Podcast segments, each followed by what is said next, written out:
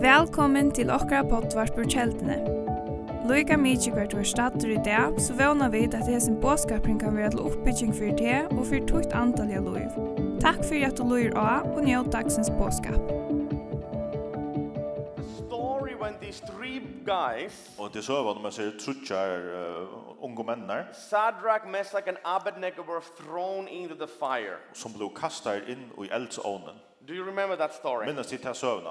And it is a very, very interesting story. Og hette en utrolig og avhaverd søva. And, and uh, you know, it, the story starts Og søvan, hon byrjar with the king Nebuchadnezzar, vid uh, kongen og and Nebuchadnezzar. he's the ruler of, you know, the known world of that time. He's the greatest ruler. Han ræver faktisk morla minne iver ötlun høymen hon tar He has everything he wants. Han hever allt som han kunde hugsa seg. Absolutely everything. Fullkomliga allt. And then he comes up with this idea. Men så fer han etter husgåte to build this huge statue that looks like him av bytjana kjempestora standmenn som and that, lykist and honom. that everyone should come and bow down to this Og statue. at öll skulle koma og bodja seg fyrir hese standmyndene. And you know how the story is, he does Og, that. og ty kjenner søvna, han gjer til. And everyone comes, Og öll tei koma, all the rulers, öll tei roande all the government workers, öll tei som arbeider i styren og all the high level of society. öll tei liksom topparna i They samfällan. come and then when the music plays, Tei koma og så tei they tonlagen all bow spelur. down to this statue. Så bodja tei seg öll fyrir hese standmynd. And then there are these three men, Men så er det så trutjer unge the three menn. Israelis Trutjer er israeler. or Jews, I mean, and israelitar, who, jødar. who are not bowing down. Som ikke bukka. And they are re- it it is reported to the king, Og og kongren han færre til fortalt. and these three men are brought to the king. Og så trutjer menn er tåra førter fram And fyrir the king kongren. is asking, What is wrong with you? Og kongren spyr hva er det gale vet You ikkon. should bow down. Tid skulle bodja dikkon. Don't you understand Skilja dit ikkje til that I can kill you? at jeg kan drepa dikkon. And they are standing there Og tar stand her uh, proclaiming their faith to this king. og proklamerer sånn at trygg fyrir som kongen. And we can go, if you can follow me, to Daniel 3, og hvis verse eh, til vi følger 15. meg til eh, Daniel 3, vers 15, And here the king says to the three men, og han sier, kongren sier her hvis jeg trudger, He says that I'm going to give you the last chance to bow down. han sier, til få ein sørsta møvløka. And if you're not going to bow down, I'm going to kill you. Og hvis du ikke gjør det her, så får jeg drepa dikkon. And then in the end of verse 15 it says, Then what God will be able to rescue you from my hand? Og det stendur sørst og i versen, det stendur, hver er han god, og jeg mentor av bjerga tikkon ur hånden munnen. Now King Nebuchadnezzar is challenging God. Så faktisk, så gjør han god i en avbjørn. What God can rescue you from my hand? Hver ko- god kan bjerga tikkon ur mun, undan munnar hånd. And I love the answer of these three men. Og jeg elsker det svære som hans unge menn er til å gjøre. Let's read the verse 16. Lät hon läsa vers 16. Sadrach, Meshach, and Abednego replied to him, King Nebuchadnezzar, we do not need to defend ourselves before you in this matter. Satrak Mesak og Abednego sværa og kongen Nebukadnesar. Okko nøytist ikkje at sværa tær år oppa hetta. In other words, saying like, seriously, King, you don't know what you're talking about. Tør sier hallo, du var sjøn gong at um. snakkar om. We don't need to defend ourselves. Vi tar ikkje bruk for å forsværa okkon. And then verse 17. Og i vers 16. If we are thrown into the blazing furnace, the God we serve is able to deliver us from it, and he will deliver us from your majesty's hand. God okkara som vi dyrka er mentra bjarga okkon ur hinnom brennandi eldsåni og av hånd tøyne skal han frelsa kongren. Our God is able to rescue us. Okkara god er mentor av bjarga That's a okkon. bold statement of faith, right? Det er nok så djørv utsøk. They know that their God is able to rescue them. tar vita at god kan bjerga dem. Now, that is a bold statement, til öle jarft att säga så but then comes even more bold statement. Men så kommer en utsökning som är uppåt And that's my focus now in this story. Och till det fokus som jag alltid har i så And in själv. verse 18 it says, Ty vers 18 här stentor. Our God is able, yes, Akra god, han är mentor, er ja. but even if he does not, Men um er om så är det att han inte ger but det. even if he does not, Men um om så är det att han ger det We want you to know, our majesty, that we will not serve your gods or worship the image of gold you have set up. Skal tu vita, kongren, at vi dyrka ikkje godar tøynar og tilbya oi heldur gudmyndna Now, og i tu og that's a pretty bold statement, right? Hatt er nok så djarft, Now, skjønnet? now I know I have not been thrown into the fire, Er omgang kastar inn eldsån, but I was just thinking because we've been traveling in North Korea, men i hugsa vi da vi da jo ferast i and I had this Nordkorea. similar experience. Og jeg hei en en luknand You know, oppleving. when you go in for the first time, Tar man for inn første fer. I've been there more than 10 times now, Yeah, but we when are- you go for the first Har en time, tutje fer et sånt, ne, men tar man fer første fer. you know, they normally take all the people in, into this place that So is we're- like the holy of holiest in North Korea. Så var öll folkene ført og så sted som er et slags allar høyligast i And they have Nordkorea. these two huge bronze statues of the founders, the Og her, Kim ha- her hava dynasty. dei øyna, øyna, hett tvær stóra bronsestandmyndir av tøymon som hava grunda Nordkorea. And everyone is supposed to come and give flowers and then bow down before these statues. Og krevi er at öll koma yvir til dessa standmyndirnar, leggja blómur og så bukka fyrir And me and my standmyndirnar. friend, when we went first time in, Og jeg og vinen hjá mar fyrst fyrir vi fór inn, our guides or guards, depending from the perspective, they said så okkara veløyar eller okkara vakter, det kemur an på som man ser på det, tar søtt då. Uh, tomorrow we're gonna go to this place, so just be prepared. We're gonna buy flowers and we're gonna go and show our respect. Og i morgen så færa vi til et steg, vi får kjepa blomstur, vi får være her og liksom vise okkara viring. And me and my friend, we felt so bad Og vi, vi kjente okken øyla illa um to om at det bow down to these bukka statues. fyrir hesson standmynd. And I mean, as you know, I mean, it is not a Something- nice place, not a nice country. Som de vita så er det ikke nekka særlig gott land. And we know what these statues and the people represent. Vi vita hva disse standmyndene er, og så falsk inn I, I, ombå. I, I, I just don't want to bow down to this. Jeg er simpelthen ikke hoa bukka for dem. And then we said in the next morning, Så satt vi et morgen we etter, said to our guides that, you know, I'm så satt vi ved guidene. you know, we are so sorry. We, we don't want to disrespect your culture. Vi vi er kjettere at vi vil ikke, ikke vann vi We don't want to dishonor your culture. Eller vann er But, but tikramenten. please, it feels so wrong for us to bow down. We do not want to bow down. Men det kjennes øyla skarft for okken å bukka. Vi vilja ikke bukka. And then our guys were like, no, but you know, it's, it's part of our culture. You should Men show s- respect. Men så And satt du it's ta very jævla til parstra og important. fra mentan og til moisa And you viring. know, no, we og til do øyla not tutninga want. mykje. Please understand. We, Nei, want, nei, we are vi not vil going to ikke. bow down. Det må du skilja. Vi, vi fær ikke å bukka. And then he said, ah, it's okay. Just a little bow. It's okay. Han Quick sier, one. men it's til, ok, no det er bare problem." bukka lydsen. Det er Well, bare th- skjøtt bukka. Not even a quick one. We do not want to Sier, bow nei, down. You vi get the point. Bukka, ikke skild, du kan vi And they sier. didn't really believe us. Og da tror okken ikke So they're ordentlig. like, ah, it's okay, let's Så go. det- So ah, we ok, went to vi this fær. place. Så vi fær til etter steg. It's like the most awkward moment. Det er under løyen We, løta. we line up the Koreans and me and my friend. Koreanerne og vi vil liksom stå og på area her. It's like, it's like, you know, more than 10 meter tall. Hesar Statues. standmyndar, det er iver 20 metrar høvar. And then the Koreans, they had these flowers. Og koreanerne tar høttu They hesar put the flowers on, on the blomstrene som statues. det er løttu av eh, And then they were standmyndene. like, "Oh they were bowing down Og så like that. bukka av der såles. And we were like, Og vi stod bare. they were so angry. Og tar blivet så They were rasande. looking at us. Tar hukta I mean, if droppa. eyes can kill, Hvis jeg eier kom til å drype. We were like,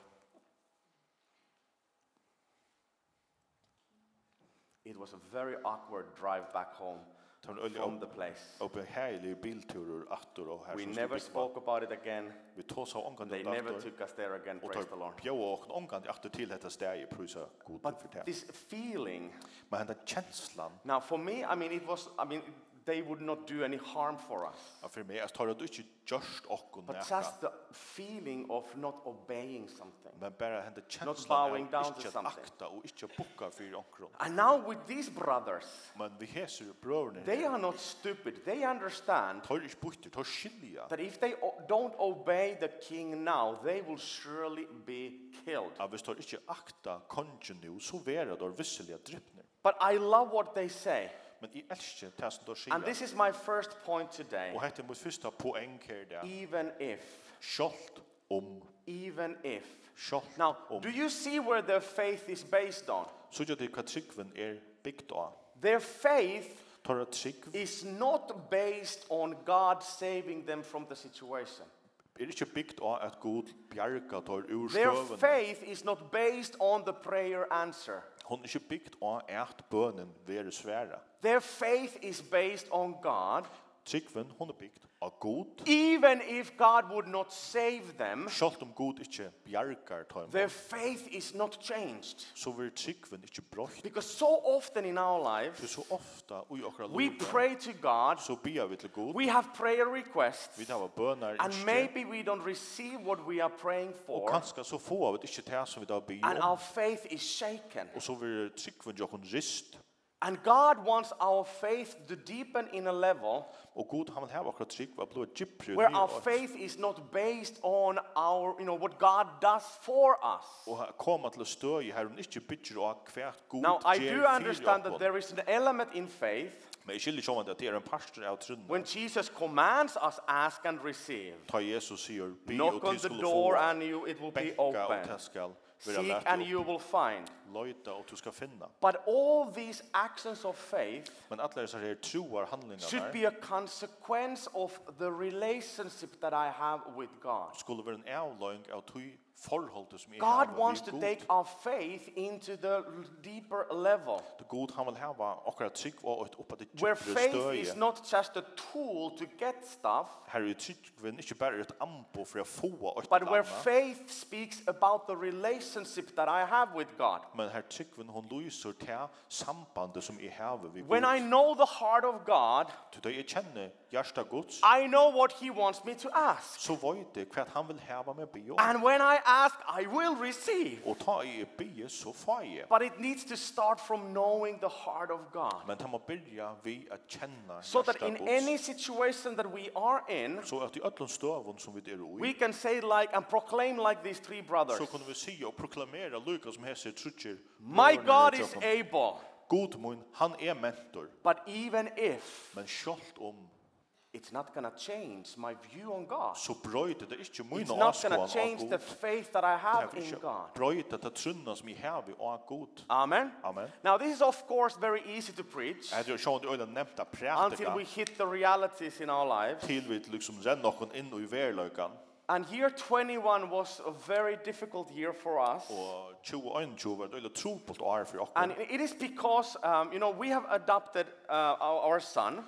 Okra son, han er atløyder. We adopted him from China. Han er atløyder ur Kina. And, and when we were, you know, on the process of adopting him, Og tar vi våre ui seg tilgångni at we received atløya, all the medical details and informations about him. så fink vi ötla seg lakna papurne og And, detaljene. and we found out that he has a very severe heart condition. Ta funnet vi det at han hever en, en uh, olvarslige, You know, one not so bad, five very bad, and he had like seven. Hvis man sier, oi, det er ikke ringt, og finn med rævlig ringt, så har jeg tjei. And we knew that he would need a heart operation. Og vi visste at hon for å tarva en hjerteoperasjon. But you know, when we were adopting and knowing this, we just felt like, no, he's our son. Men tar vi det at vi holdt vi der her, og, og vi visste det, men så også, hva skal He's han our er son. okra soner. And then he came home to us. Så kom han heim til okkara, And then in, in the beginning of January 21 og i januar og i øyne 20 was the time for his operation. var det tydelig at han skulle skurvetjeres. And the operation itself went really well. Og skurvetjeren, hun tjekk, Yeah, it's hun too many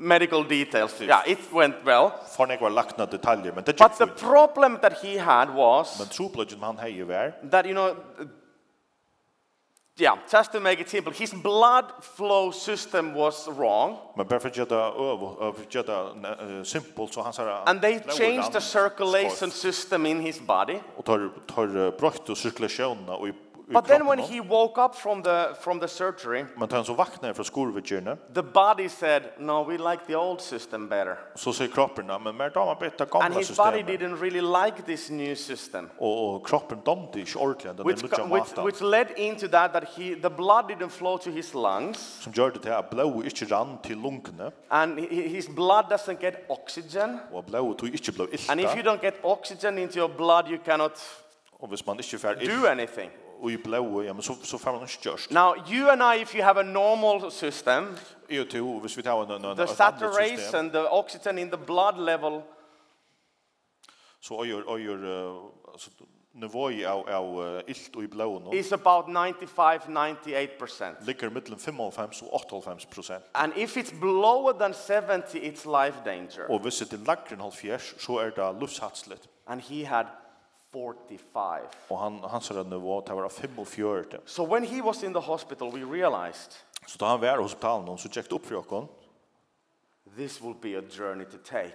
at dette var en fer som, This will take some time. som for å teka This will nekka og not tog. be an easy fix. Det hette ikke, hette ikke nekka som er nevnt å løse. And he was, uh, at the end, he was seven months stuck in different pipes. Til enden så var, var han i tjej måneder hei han forskjellige slanker og And rør. obviously, this whole time, Og alle disse togene, while being in the hospital, medan han var i hospitalen, I was praying and praying and praying for him. så bæ jeg og bæ og bæ og bæ. And then I was reading Bible, Og jeg leser Bibelen, and this Bible story, story just hit my heart. og hentan her søvann, hun, hun rakte meg bare i And hjertet. God asked this question from me that I've been asking now from you. Og Gud, han spurte meg, sett meg den spurningen som jeg nå As sett I'm til, looking at my son, som jeg hittet etter sonen som and er, if you're a parent, you know the worst thing in your life that can happen og som er forelder, så varst du at det ringaste som kan hente is og that denne your livet, child gets sick and there is nothing you can do about er it. at baden tog være sjukt, og du ikke får It's the kjørt worst vita. feeling. Til den ringaste And kjenslen. I'm looking at my son in hospital.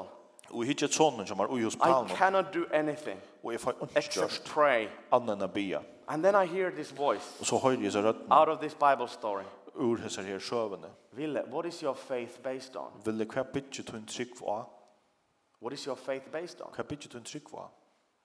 Is your faith based on the prayer answers? Bytje tog en trygg var bønner svær, Ville, Ville. even if, kjølt om even if I'm not going to raise him up, would you still believe in me? Sjalt om ikke grøyen, hei du Now, tror I'm not saying that that's the will of God, but you understand the question. Jeg sier ikke at det er Guds vilje, men til skilja spurningen. And I had to really ask this question from myself where is my faith based on? Og jeg måtte se til meg sjålen denne spurningen, hvert bytje mun trygg av. The beautiful thing is Ta, ta vekra og fantastiska tinge vær.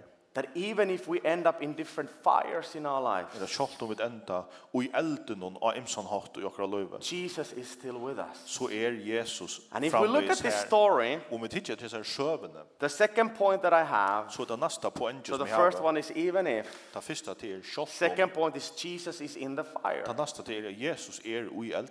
We can read from verse 24 to 25. Vi kan lese fra vers uh, 24 til We are 25. so we are in Daniel 3, Vi der i Daniel 3, verse 24 and 25 vers 24-25. speaks about how Jesus is in the fire with them. Ta talar om hvordan Jesus er Because what happens in the story now, To det som hender i søvnen nu, er they det refuse to bow down det tar nokta av and the folket seg, king throws them into the fire. og kongren han blækar Right? right? inn i elden, ikke sant? And then the king Nebuchadnezzar is looking into the fire Og som kongren stender og hyggur inn i elden, and he sees something amazing. så ser han noe It fantastisk. says, he asks, Og han spyr, Were, weren't there three men that we tied up and threw into the fire? They replied, Certainly, Your Majesty.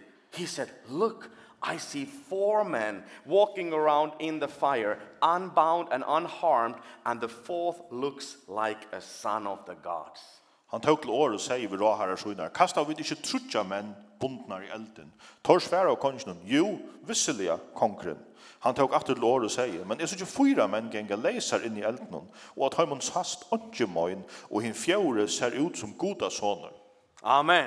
Amen. So the beautiful thing is Så det fantastiska that er det even if we go through fire seasons or fire at experiences, sjålt om vi færre jøkken og tujar skoj her vid er i God elden, never leaves us. så er fer god gonga God til fra is okkon. with you and with Han me. er vi ter, og han er vi mer. We can always trust that he is on our Vi side. kan alltid ha alit av at han er av okkara But, suju. but sometimes Men we först- feel like God, you are so slow. Så føles det som om er god du Nobody wants to be in the fire, right? du er så søgner. Det er ungen hur hoa Is there vera i anyone who elden wants to og have a lot skjønner. of fire in their life? Er det No? nekkar som er hoa og en rikka av eld i I som mean, we løyva? don't want to go through fire experiences. Okkon damer ikke gengur jøknum hese And sometimes it eldsopplevingarna. feels Og vi kvørst, så kjennes det That we are in a hurry, but God is not.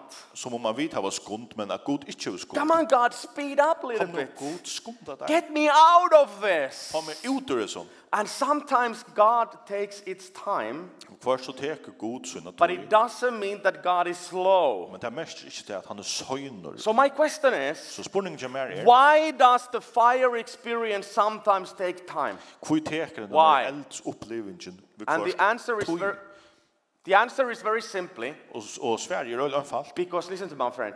Tog lort han mer. God is working in multiple levels of our lives at the same time. Tog er god, han er bare fløyre stigen og akkara, og i akkara løyve, samståndes. God loves you and me for the whole life. God, han elskar meg og te. Alt What- akkara løyve. What we see Det som vi suttja, is the problem we are facing today, right now. er den troplagan som vi standa vi, og i det. på en But God knows our lives. Men god han kjenner okkara God løyve. knows what I'm going to face in my life in years to come. Og han vet alt det som er fra møte om en løyve søttene. God, I, I see only the problem that is ahead of me right now. Jeg suttja bare at han troplagan som er bort fram av firmaer. But God knows that I have 27 other problems Men coming god in ahead vet of my at jeg life. og tjejer jo troplagar træt som for å komme And søttene. v- Ville, you have no understanding Ville du skyder ikke? if you, if you are not trained, Hvis man ikke if trener you vår, don't mature, hvis man ikke if your bonast, trust and faith doesn't rise here enough, hvis vi alle du tryggven tjadar ikke rysa nok her, you are not able to handle the så problem får du number heller 17 that is on your ikke way. klara troplagar nummer 16 som du får you komme understand? til. Skilja det? God loves you and me. God elskar te. God doesn't want us to be in the fire any second longer than it's needed. Og han vil ikke hava okna vera og i elden But og God ikke loves us kumplanker the enn jeg. whole way, Men han elskar okon the allan whole vei, life. allt And løyver. it's working in multiple Og han levels. arbeid av fløyr imsum. Amen. Because God knows what is to come. Du god, han void kvart for God å knows komme. my future. Han kjenner mina framtid. You know, God is omnipresent, Så god, han er allastans Which means Det merker that God is all around at han er at the allastans same time samstundes right now. bort nu. You know, God has created time for you and me. God, han har skapt tøyina You til know, tøyina til møyn. Here is my time. Hvis vi stiller okon hette tøyina Here I'm born, Her blir jeg føtter, and here I die, og her dodger jeg. and I'm stuck in my time. Og er liksom Right? fengt av oss her And tøyarlinjen. I hopefully live somewhere closer to here now. Og, og er livet vånande But if tattar God, hese punkten if nu. God is omnipresent, Men hvis god er it means that God allastans, is not limited in my så time. merker det han er ikke avmarskar. God is all around, Han er allastans. everywhere, Ivet og høyla, at the same time, samstundes, right now. bort nu. That means that God is in my birth, Ta merker god er til God steder is here i. with me Jeg today, ble fattur, han er and helt God her i is det, already in my tomorrow. og han er langko i munnen, morgen day. So if God is already in my tomorrow, Så hvis god langko er i in my munnen, next week, morgen day, i in munnen my neste next viko, i year, munnen neste until I år, die, lykka til et dodge. why am I afraid of tomorrow? Hvor reist det som morgen Why day? am I so afraid of the future? Hvor er så benjen for framtiden? Because God himself is already in my For future. god sjolvor er langko i He munnen is framtiden. already in my Han er tomorrow. langko i munnen morgen day. If that is not the great news, what is the great Hvis hatt news? ikke er fantastisk tøyne, Come så on, vart church. det If you're never going to say hallelujah, Hvis say det omgang for now. å si halleluja, si det så nu. Hallelujah. God is already in our tomorrow. God er langt og i okkara What morgen we dag. need to do today Det som okkon tar vera gjer ut det is to first trust er Him fyrst at hava alit av that honom He knows what my future holds. at han void kvært mun framtid And heldur secondly, to pray. og nast er bia. God, because you know what is to come, God to voist kvært koma skal. train me today. Tjena to mer i Help det. me today Hjálp mer to i be det. ready Så er det klarur to step into my tomorrow in a right way. til at trakka ut i mun morgen dag av rattan hot. Amen. Amen. So even if the fire experience in our lives can be sometimes long, Så sjálvt om hese eld, eldrun til okkon kan vera it lunge, doesn't mean that God is slow. så mest det ikkje at god er God sannur. suddenly will come when the time is right. God kjemur knappliga ta And we tøyna need to have this perseverance, og vi må hava hetta uthaldne patience in our prayer, og og tål i okkara not to bøn. give up, but to believe that God knows Ikkje geva upp men at tryggva and that at He Gud veit is with us og at han er vi okkon all the time. alltid. So I remember now when our son was in the hospital. Så jeg minnes at sånn nokker han var i hospitalen. After a while, he was, we, we were able to take him home. Efter nøyne tog, så kunne vi takke han vi og kunne hjem. And, and, you know, he had all these tubes and machines and Og stuff han hei with him. slanker og maskiner og alt mulig ved seg. And I slept on the floor in a mattress next to him for more than a half a year. Og jeg svev av gulven og en madrass og på et visynere. It was very bad sleep for half a year Det var øyne vanlig svøvner et halvt år. because we had to make sure that the levels of oxygen were in the right place. Så vi måtte alltid trycka hon att att ilten var liksom And when, no when, meat. when it drops, we would have to move him around so that the blood starts to flow Ta and det- help him. ta det begynte er falla så måtte vi liksom flyta runt så blåa för att begynte renna åter och hjälpa hon. And you know, I'm, I'm naturally a pretty happy guy. Och är är det från något annan hand och också you glädje know, person. I've never been like depressed or anything like Jag that. hon kan vara deprimerad. I'm a happy och- dude. Jag är Hallelujah. glad och God is halleluja. good. I'm Gud er är good. god och Hallelujah. jag har det Amen. gott fint. Amen. Until now, Till nu. when I'm lying there on the mattress, Ta lite här av madrassen. week and month after month, Vik och att när vik och månad och Looking at my månad. son. Och hittar ett sonen som I är. started to feel this anxiety coming. Så begynte jag föla sig ängest när It jag was like kom. a, it was like you know, like a pressure coming. Det är också något som trösti av brinkna. Like something would, someone would like sit on my chest. som om um at onkur sært av Like you blinkene feel this pressure, Man føler at det truste. and it's like you know, it, it, you cannot just, you know, it doesn't go away. Man kan ikke bare busta det av, det er And ikke it's vekk like this pressure. til det truste. And I was there lying on the floor, Og jeg la her av gulven noen, feeling this pressure, feeling anxiety. følte det truste, og følte det Started to feel engelsene. depressed. Og byrja jeg at føle And meg at some, t- deprimerad. at some point, Og på uh, et et tidspunkt I felt so bad så kjente jeg meg så illa. that I just said, God, I cannot take this Jeg sier, anymore. god, jeg klarer jeg hette ikke bare. I don't know, it was like in the middle of the night, 3, 4 Da o'clock in er mitt um the om night. natten, klant tro i fyr om natten. And I'm, I'm just praying and praying. Og jeg bygger, og jeg bygger, og jeg bygger. And I look at my son, Og jeg hittet sånn, som er. and I just said, Holy Spirit, Jeg sier, heile ante. I just need yes or no answer now. Jeg må bare hava et ja eller noe I i cannot, sværen. I, I cannot take this anymore. Jeg klarer jeg hette ikke langt. Now, I don't care how long it takes, but I just need yes or no answer. Jeg er litt sjukt lunch til teker, men jeg har jævla nøy. And I prayed simply, Og jeg ber, God, god, will you raise him up? først til å gjøre han friska natt. Yes or no? Jævla nøy. And immediately I felt Holy Spirit saying, Og i samme løte så kjente jeg hele andan sida. Yes, Ja. yes. It would take many months after that. Det er for å teka nekva måneder. But when I heard that voice, Men da jeg yes, hørte disse røddene sier ja, I knew, så visste jeg, I knew så visste jeg that God will raise him up. at god får av And it grøven. was so interesting that in that second, Og det var så avvært. Og when I heard the yes in my heart, Da jeg hørte det ja, ja, It was i min like- hjärsta, someone lifted. så er det som om at Something was lifted. Og men jeg kan bli bare litt This av. pressure was lifted At det from truste, my chest. Det var litt av. Amen. Amen. Amen. You know, in James 1, Og Jakobs brann 8, verse 2 to 4 says, vers 2 til 4 til sier. James 1, verse 2, consider, consider it pure joy, my brothers and sisters, whenever you face trials of many kinds, because you know that the testing of your faith produces perseverance. Let perseverance finish its work so that you may be mature and complete, not lacking anything. Brøver munner, råknen til for bedre glede til at du kommer i allsins frøstingar. Til vida jo at du tryggtikker over rønt, vi skal ta tål. Og lette tåle løye til fullkomne versk, så de kunne være fullkomne og høyler, og ikke vantar av tjattikko. Now, in the beginning here, it says, Og i byrjan her så stendur, consider it pure joy. og, og det stendur brøver råknen til for bedre glede. It didn't say feel joy. Det stendur ikke at du skulle føle It said glede. that consider Det it. stendur råknen til Now, to consider is a decision that we make. att rockna näka för Ötlanda That till en even if we go through trials and hardship, Sjalt om vi fær jökt någon I can decide something. trubla tøyer så kan jeg tekna I can out. decide Jeg kan bestemma med fire joy. glädje. I can decide that I'm going to go through this. Jeg kan bestemma med fire. I can decide, Jeg kan bestemma Like this brother said, Lukas med sig bröderna sa då that our God is able. att min god är But even if men sjalt om it's not going to change our faith, så bröjde det inte och I'm going to choose God er every for å velja time. God kvølja fer.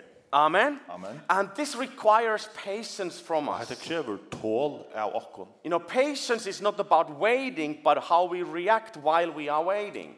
Tå- Hava tål snur sig om ert boja, men gusse vi reagera mian vid boja. Can I tell a secret that we don't want to say here on the platform? Kan jeg fortelle deg en hemmelighet som vi ikke vilja si her? av Is it okay? plattformen? Er det You want to okay? hear a secret? Du har en hemmelighet? A spiritual truth? Og en, en andalian My samløyga. dear friends, Min kære vinner, we never grow spiritually if everything goes exactly the way we want. vi kommer omgang til å veksa andalia om alt gonger okkon til vilder. Yeah. Hello.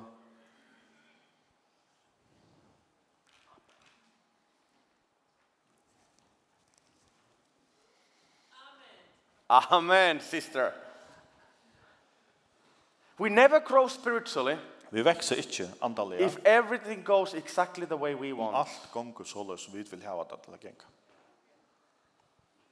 So now, when we are in the fire experience, Så tar vi er ui elden hon, we need to rely on God. så må vi bara Believe luta that av Jesus Gud is with us, He never leaves us. og trykva Jesus er vi okkon He og at han is omgang til always with us in the Han fire. er alltid vi okkon ui And elden. that requires faith in our hearts. Det krever trygg You, know, you remember Hebrews 11, verse 1. til minnast Hebrea brev 11 og 8 That faith is at trygg er the substance of things hoped for and assurance about what we do not see. full visse om det som vånar ver, samføring om det som ikke So, sast. so faith helps us to see the unseen. Så tryggven hjelper okkon at suttja det og skjønnelige. Now, there was a one f- very famous sculptor, Det var en, en øyliga, øyliga kjentur uh, myndehøkkare, and, and he had made a beautiful statue, og han er gjørst en øyliga vekra and it was like the reveal of the statue meeting or Og ta celebration. or whatever. ta man så skulle til å avduke And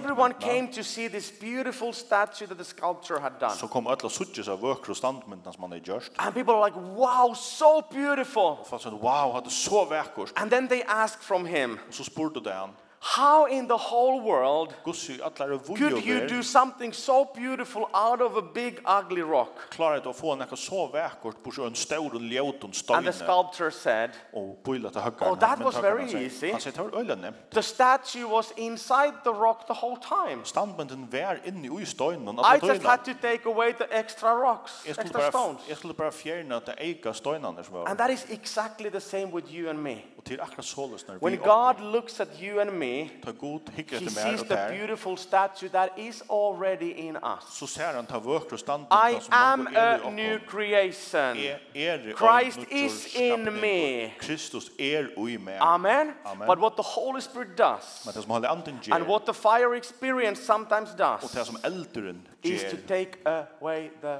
extra er stone. at høkka bostur tar eika steinane. Let the beauty of God shine from us. Og leta Guds verkløk og Because skuina then fra faith okkon. will lift us Til ta for tryggvina litt av okkon, above the realm of our own abilities og pum til som vi sjolve megna. and makes God's possibilities available for us. Og at gjøre Guds møvløkar tøkar tja okkon. Because faith connects us in the reality of the seen and the unseen. Tog jeg tryggvin, hon, hon forbindet han verløkene som vi suttja og han som vi ikke suttja. Amen. And helps us Og hjelper okkon to endure the visible at halda ut det som sast when the visible doesn't offer much hope. ta det som sast ikke Faith helps us to see the unseen. store vånene, så The hjelper tryggen possibilities of God in our det og lives. skjønnelige, møvelige gods i okkar Amen. liv. Amen. Amen. And then comes this beautiful ending of the story. Så kommer den fantastiske enden av They were søvnen. thrown into the fire, Ta blir kastet inn i and the eldsånden. king Nebuchadnezzar sees, oh, but there is Og four. han ser, ja, men her er fyra. Who is the fourth one? Looks Hva like er the son den of fjore? God. Han ser ut som en goda soner. And then he shouts, Come out from the fire! Så råper han, kom ut ur elden. Come from the fire! Kom ut ur elden. And then it says Og så stender in verse 27 og i vers 2 og they Sh- saw when they shame, came out, when they came out, tar seg ut til det kom ut. they saw that the fire had not harmed their bodies, Stop. nor was a hair of their head singed. Their, their robes were not torched, and there was no smell of fire on them. Ta stå og torra då, det var ikke brent seg, det var ikke et hår svi i høtten, og det var ånden brenta røyker etter. And I love this last sentence Og jeg elsker den that sørste there was setningen, no smell of fire on them. ta tjekk ånden brenta røyker etter, helt Now, opp. one of my favorite things when I was a child Og etter munnen, ikke stinken da jeg var was to baden, go with my dad to hiking and some forest var jeg ferdig ut og genga ut i i skoen i fjellene med a- pappamannen, and make some fire og at kinda bal, and, you know, do some sausage, you know, og at grilla nekra and then pilser, come home. og så kom jeg The mat. problem is when we came home, Trobla som vi bare tar you know, my mom would come and say, Så you kom mamma smell og so sier, bad, so "Du smoke, luktar illa, you luktar smell røyk, so fire, go and take a shower, wash the clothes. skunda der vaska klæna. And even if I would wash myself 27 times, I still, you know, Og så ofta med vaska, men tjej tjo färna, så blöm vi över do så. you know what I'm talking about? It's Känner like, till det, ja. there's always, where does that come? Tala vi över sån här The smell of brända the fire. röjkron, lukteren av elden. And I love this. Vi är älskar det här. This is, my friends, Det hetta, the full deliverance deliverance är han fotla that God wants to give you and me. bjergjengjen som god ikke djeva mer. When we go through a fire experience, tar vi gengur tjöknun God doesn't only deliver us from it, så bjergar han okkur but spjær he ur elden. delivers us in a way Bjergar okkur á en hatt. that there is not even a smell of it left in our life. lives. luktar av røyke.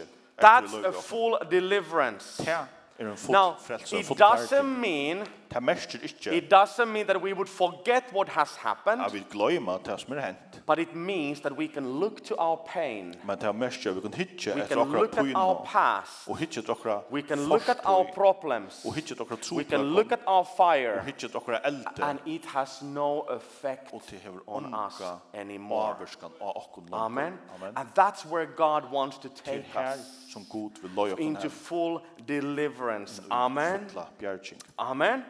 So I remember Så jeg minnest, it was then summer 21. dette var om uh, sommar i We were Mm, in the 21. middle of all this, you know, my son and all this hospital. Vi and var all mitt i this. ödlesnär, Hulvasan och Sonren och hospitalet. And we had a Europe conference, which is like the annual big conference Oh, we have in Sweden. Och vi tog en Europakonferens och tittade den stora konferensen. som And det there var was a i Sverige. preacher called Lisa Harper. Och här var en uh, prätt, en prätkar som hette Lisa Harper. And she was, you know, uh, telling her story. Och hon fortalte sina sövå. And she, had, she explained how she had, you know, she got COVID and she was hospitalized and she almost died. Hon fortalte hon er finns ju corona och hon blev inlagt hos hospitalet och hon måste faktiskt dö.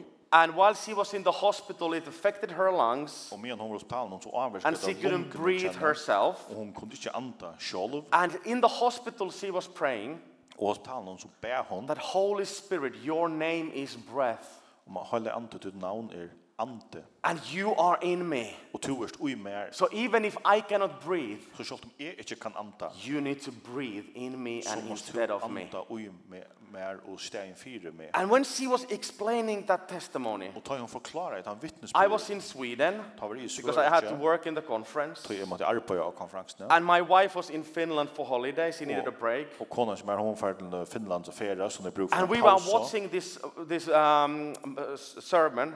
Och vi tog det till At the same time in different countries. Och kvar som landet. And when I heard that, Och ta i håll till detta. it's like something hit my heart. Så var det små att och rakte. Because that was exactly the problem my son had. Akkurat han tror på sin son. And I was crying like a little baby on the floor. Grät som att lyda på vatten och golven. I'm praying and saying, Bär och säger. Holy Spirit, Holy ante. you need to breathe Du måste instead of my son. anta i stägen fyra. And exactly the same time, my wife in Finland Och samstundes så gör konan som är min is praying like a little baby and crying on the floor. Hon grät så golven. And praying exactly the og same biður prayer. Akkurat det som og bønna. Holy Spirit, you Heilige need Ande, to breathe du instead of må our son. Anta fire sonen jo. And the interesting thing Og was då ahva vart at her that after that meeting, achtana tema. after that prayer, achtana ta bønna. suddenly we saw a change. Så byrja við at søkja na brøð. Suddenly the saturation number Knappliga så så bløð det ilt mektingar went from til. 45 to 60 Fra fra 45 og på to 70 70 til and 70 to 93. og til 3 og That is 90. today. Her det er- Hallelujah. Amen. God wants to deliver you from the fire. God vil bjarga ter. I've been preaching a long time, but can you take one more Bible verse? Is it Ja, og okay? prætt kan nok lunch nu, men klarar vi åtta bibelvers att rätt. Push your neighbor, say, wake up, this is going to be a good ending. skumpat nabekon så jag vaknar nu och det heter en gaura. This is one of my favorite Bible Det verses. är en av munnen intis It, it's in Ecclesi- Ecclesiastes till vi prätkar någon. 7, verse 8, Tjej, vers 8. and says like this Och det ständer så lös. The end of a matter is better than its beginning, and the patience is better than pride. Betre er ende malsens enn byrjanen. Betre er å være tålen enn hukmøyer. The end, in English at least, it says the end of the matter is better than its beginning. Og, og det stender at ta jo at mal ta endar betre enn det This byrjan. means that you can have a bad start, Ta mest at du kan ha en kjelja byrjan, but you can finish strong. men at du kan enda Your størst. beginning is, ne- is not determined, de- determining your ending. Hvordan du byrjar avgjør ikke hvordan du endar. God determines the, st- the ending of our story. Det er god som bestemmer hvordan søvan endar.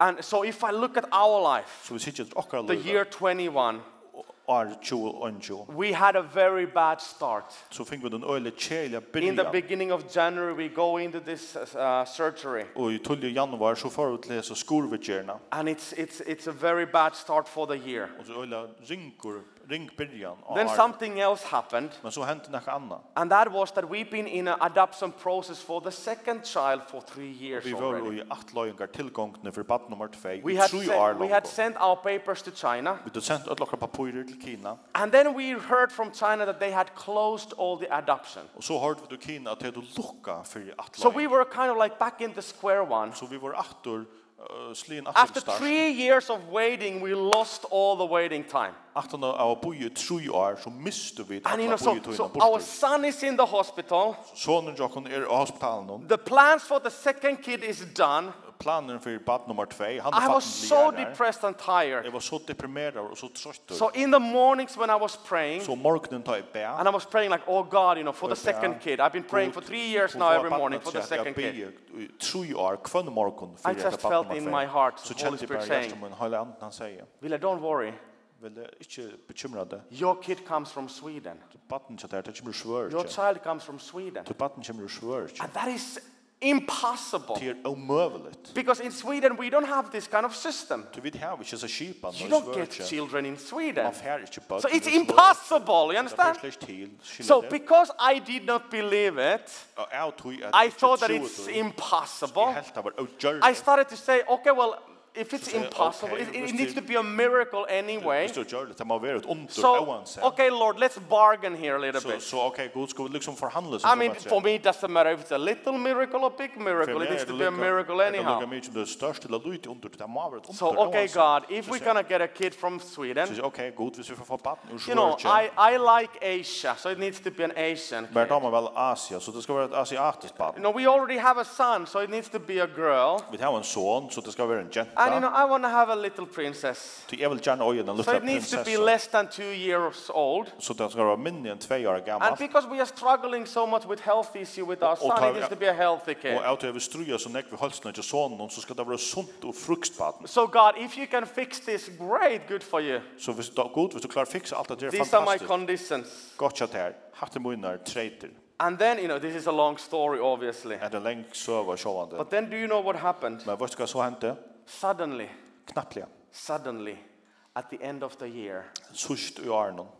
28th of December, 28. at the desember. end of the year, Oh, I endan we av get a Arnon. call Så ble det from oppringt the social services in Sweden. fra de sosiale myndeløkene. And they asked- Og de sier, Hey, we have a child. vi tar ved baten. The mother gave birth to this child in Sweden, Ma- but they have disappeared. Mamman har åttet av baten utsvørelse, This men det er baby doesn't horve. have anything and anyone here Hette in baten Sweden. hever ongan og onge W- her i Would you, would svørelse. you consider of having this baby? Kan så Your omhåndsa family? at tikra familie tekra av baten til seg. And then I asked, okay, so okay, what kind of baby Så is spurte jeg, that? hva hva er det for baten? Ah, you know, it's an Asian kid. Og hun It's sier a at Thai. asiatisk baten til You know, hun i- kommer i- fra i- it's Ah, Thailand. eh? it's healthy kid. Til å rakst og I- It's le- fruktbaten. less than two years old. Til yngre enn 2 år. A little girl. og en liten jenta. And I'm like, okay, Så ok, I don't need to pray about this. jeg prøvde ikke å bia. We Vi had hadde a very bad start for the year, okkar år byrja jeg rævelig ytla, but our ending of the year men år enda was jeg beautiful. var fantastisk. At the end of the year, Ta år we var livet, receive our beautiful daughter to our home. så fink vi okkar fantastiske døtter høy. And that's what the Bible verse is all about. Og til det som at det bibelverset snur seg om.